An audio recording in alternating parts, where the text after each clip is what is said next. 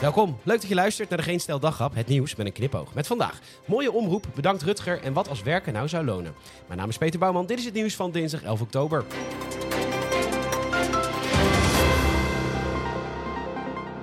Wat gebeurt er als je een omroep van tevoren heel veel geld geeft, zonder dat een omroep ook maar iets hoeft te verantwoorden, behalve dan dat ze af en toe een beetje inclusief zijn en zo? Dan krijg je wanbestuur. De KRO-NCRV is zo'n omroep met een directeur die ruim 2 ton belastinginkomsten verdient. Een Yvonne Jaspers die 187.000 euro belastinginkomsten verdient. Maar dat was niet voldoende, dus beunt ze bij in de agrarische sector.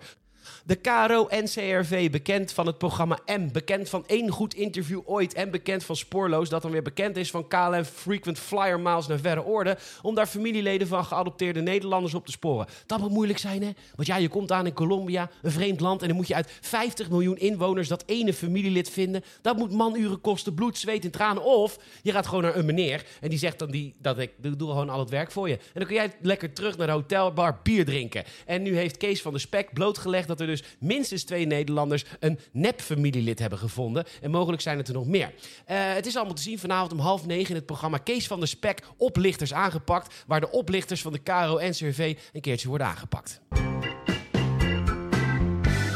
Het is Internationale Coming Out Day. En dat is natuurlijk prachtig. Kom gewoon uit die kast. Ik heb het meegemaakt. En het is echt niet makkelijk. Maar het mag bijna in heel Nederland. En je krijgt er gewoon echt zoveel gay seks voor terug. Ja, echt, echt veel.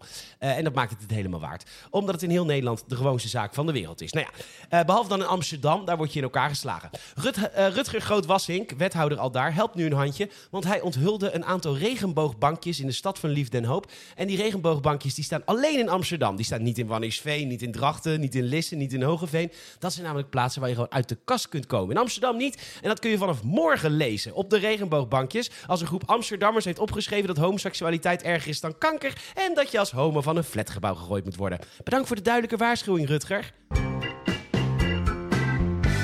Deugen en maakbaarheid. Dat krijg je als je een stadsbestuur hebt met onder andere GroenLinks, D66 en PvdA. Zoals in Utrecht. Zes weken lang hebben ze statushouders voorrang gegeven op andere woningzoekenden. En nu hebben meerdere nieuwe bewoners hun baan direct opgezegd. Ja, want ja, waarom eigenlijk? Nou ja, omdat werk in Nederland niet loont, er te veel toeslagen zijn.